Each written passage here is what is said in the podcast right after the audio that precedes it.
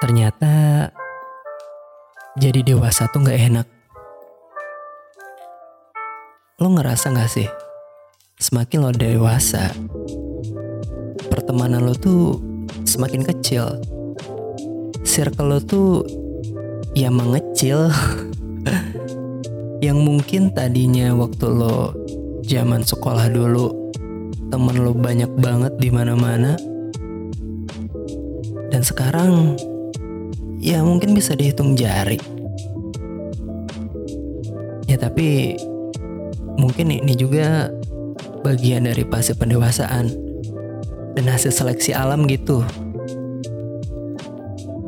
Lo bakal semakin tahu mana orang yang benar-benar mau berteman sama lo atau ya cukup say hi doang gitu.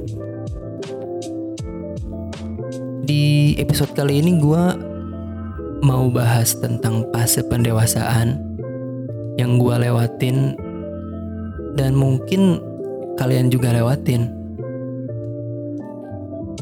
Gue ngelewatin fase di mana gue menjadi seorang yang sangat ambisius. Tapi makin ke sini, gue makin sadar kalau ambisius itu nggak ada ujungnya. Dan nggak akan ada puasnya juga gitu. Dan gue menemukan fakta menarik. Jadi di dunia ini tuh ada menurut gue ya yang gue lihat ada dua jenis tipe manusia. Yang pertama yang ambisius. Ambisius itu salah gak sih? Ya nggak juga gue jelasin dulu tipe orang yang pertama yang gue alamin juga pernah gue alamin. Ada seseorang yang hidupnya ambisius banget yang dalam waktu singkat berhasil mewujudkan semua goalnya dan itu inspirasi banget. Gue pernah melewati masa itu. Apakah goal gue tercapai? Ya alhamdulillah tercapai gitu. Tapi ada juga orang yang hidupnya B aja, lempeng-lempeng aja, nggak ada tujuan bahkan. Ngalir gitu aja kayak sungai. Tapi ketika ditanya hidupnya satu tahun lagi atau lima tahun lagi ke depan mau gimana ya udah dia pasrah aja gitu. Santai aja. Dan gue sekarang nggak lagi ada di masa yang kedua tipe orang yang kedua. Setelah gue ambisius yang dulunya gitu sekarang gue mengalami masa di mana tipe orang yang udahlah hidupnya be aja deh. Gak usah banyak ekspektasi apa-apa. Gak usah banyak plan yang terlalu tinggi. Ya plan ada cuman gak terlalu tinggi banget gitu. Ya semakin sini gue merasa ya ikut ya itu tadi gitu. Semakin ambis semakin gak bahagia. Gak tahu kenapa ya, ya itu. Mungkin karena udah capek juga dan semakin ambisius gue ngerasa ya semakin gak bahagia. Dan mungkin gak akan ada habisnya juga gak sih? Ya nggak materi itu kalau dikejar terus gak akan ada habisnya. Gue udah ngerasa kayak gitu tuh sekitar dua, dua tahun lalu ketika gue sadar kalau ya udahlah mengejar dunia terus capek. Gue dari iya dua tahun lalu dua du, 2018 deh kayaknya gue udah ngerasa menjadi orang yang tipe nomor dua itu. Yang ingin hidupnya be aja lah. Udah nggak nyari validasi orang lain atau segala macam udahlah bodo amat. Nah kalian tuh masih ada di fase mana nih? Gue di fase pendewasaan yang B aja gitu sekarang. Terus jadi dewasa juga kebanyakan overthinking. Kebanyak mikir gitu. Kayak apa-apa tuh dipikirin. Dan balik lagi. sekarang gue udah melewati masa itu, sekarang gue nggak nggak terlalu overthinking gue udah ya udahlah Gak usah banyak dipikirin, jalanin aja dulu. Untuk sekarang ya. Dan menurut menurut gua pengalaman hidup gua gitu ya ya walaupun belum apa ya namanya berpengalaman berpengalaman amat gitu menurut gue harusnya kita tuh lebih bisa menerima hidup kita ketika kita masih ada di atas dan ada di bawah. Menerima bah bahwa masa up and down itu pasti akan selalu ada.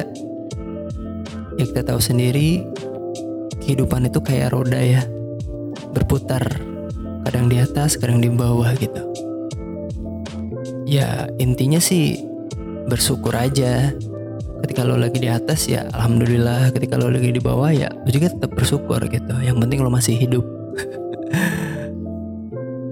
terus memaksakan diri untuk mau produktif tuh ternyata adalah obsesi yang buruk buat diri kita. Gue ngerasain itu ketika gue lagi um, semangat semangatnya ngejar portofolio di hobi gue yang kebetulan hobi yang dibayar selain pekerjaan gue yang formal ternyata ternyata memaksakan produktif itu capek sendiri. Buruk banget. Ya balik balik lagi gitu. Jadi terlalu ambisius. Dan itu buruk menurut gue ya kuncinya sih mengenali diri sendiri. Ya ketika lo stuck ketika lo nggak bisa ngelakuin apa apa ya udah nggak apa-apa. Nggak apa-apa juga menurut gue jangan hanya kita tuh bertepuk tangan pada saat kita berprestasi. Produktif ataupun penuh dengan ide-ide kreatif. Tapi harus belajar juga mengapresiasi diri ketika kita tuh nggak bisa ngelakuin apa-apa. Ya udah. Uh, ide kita lagi ngeblank lagi stuck ya udah. Gak usah dipaksain gitu. Dan memang gak ada salahnya juga menjadi yang tercepat. Tapi alangkah baiknya gitu. Kita tuh menikmati apa yang sedang kita lalui, apa yang sedang kita kerjakan. Ya intinya sih enjoy the process ya. Ketika hidup ini isinya hanya kerja keras, dan lebih keras lagi. Mengubah dan melawan meraih lebih banyak dan lebih banyak lagi. Akibatnya tubuh dan batin kita tuh selalu tegang dan akhirnya jadi lelah gitu. Dan kondisi ini ternyata melahirkan lebih banyak masalah. Kalau hidup lo terasa ruwet banget, ya mungkin yang kita butuhin tuh ya hanya istirahat ya udah. Nggak usah dipaksain gitu. Berhenti menjadi ambisius. Berhenti memaksakan diri untuk produktif.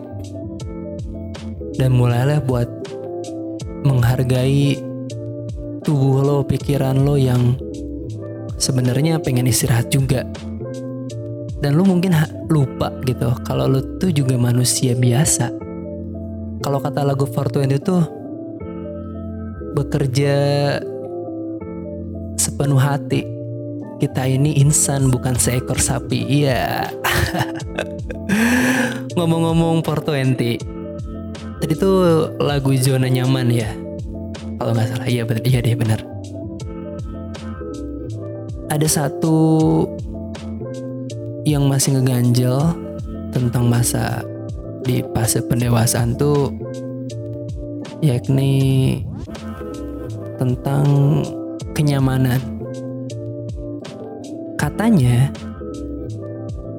kenyamanan itu membahayakan. Tapi bukannya yang dicari itu ketenangan dan kenyamanan. Ya nggak sih? ya masing-masing orang sih punya pendapatnya masing-masing ya. Ada yang mungkin gak nyaman hidup di zona nyaman. atau mungkin udah ada yang nyaman? Ya semua orang sih berbeda-beda orang itu nggak bisa ditebak.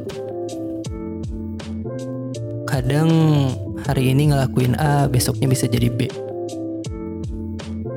Ya itu tadi. Mungkin mereka udah terlalu nyaman di zona nyaman akhirnya keluar dari zona nyaman ada yang mungkin ya udahlah gue udah dapat apa yang gue mau apa yang gue inginkan gue pengen hidup tenang gitu nyaman. Ya udah mengalir aja. So mungkin segitu aja kali ya. Um, sampai bertemu lagi di lain waktu.